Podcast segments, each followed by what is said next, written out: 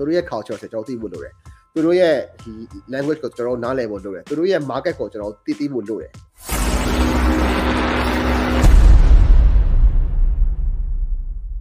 ညီမတစင်ဖူးဝင်မိထားတာကွယ်လက်ရှင်နဲ့ digital marketer တယောက်အနေနဲ့နိုင်ငံရချားမှာအသက်ပေးဝကြောင်းဆိုလို့ပြုမယ်ဆိုရင်ねဘယ်လို skill set လိုမလဲတဲ့ဘယ်လိုခက်ခဲကြုံတွေ့နိုင်မလဲဆိုတာလည်းပြောပြပေးပါတဲ့နံပါတ်1လို့မှာ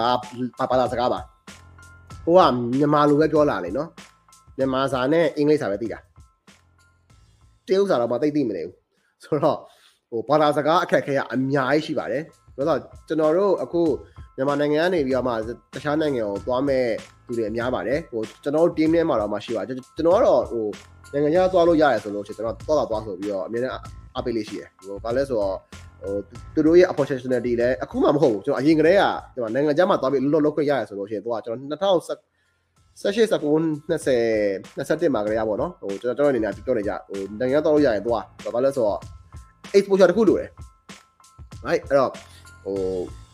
အဓိကဘာသာစကားမှာပြဿနာရှိပါတယ်အဲ့တော့သူတို့ရဲ့ဘာသာစကားကိုအာအနည်းဆုံးတော့ဟိုဘယ်လိုခေါ်မလဲဖတ်တဲ့ဖတ်တဲ့တော့မဟုတ်အောင်ပြောတဲ့နားထောင်တတ်အောင်တော့ဟို4 skill မှာ2 skill လောက်တော့လောက်တဲ့အောင်တော့တင်စီထားတင်စားစစ်စစ်ခြင်းတယ်ဒါမှပဲလဲ အာသူတို့နဲ့စကားပြောရဆိုလို့ရှိရင်ကအဆင်ပြေမှာပါဟို hard skills တွေကတိတ်ကိစ္စမရှိဘူး hard skills တွေဆိုတာလေဥပမာ marketing skills တို့ပြီးရင်ဒီမှာ digital marketing skills ဆိုဘာလို့ကျွန်တော်သိကိစ္စမရှိဘူးဟိုကျွန်တော်တို့ရဲ့မြန်မာပြည်ရဲ့ digital marketer တွေရဲ့ hard skills ကိုကျွန်တော်ယုံကြုံပြီးသားဒါပေမဲ့ soft skills တွေကအများကြီးလိုတယ်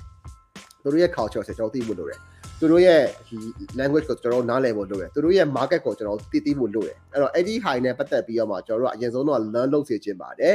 သူတို့ရဲ့ အာကျွန်တော်ဘာရှိသေးရဲဆိုတော့သူတို့ရဲ့ holiday တွေသိဖို့လိုတယ်သူတို့ရဲ့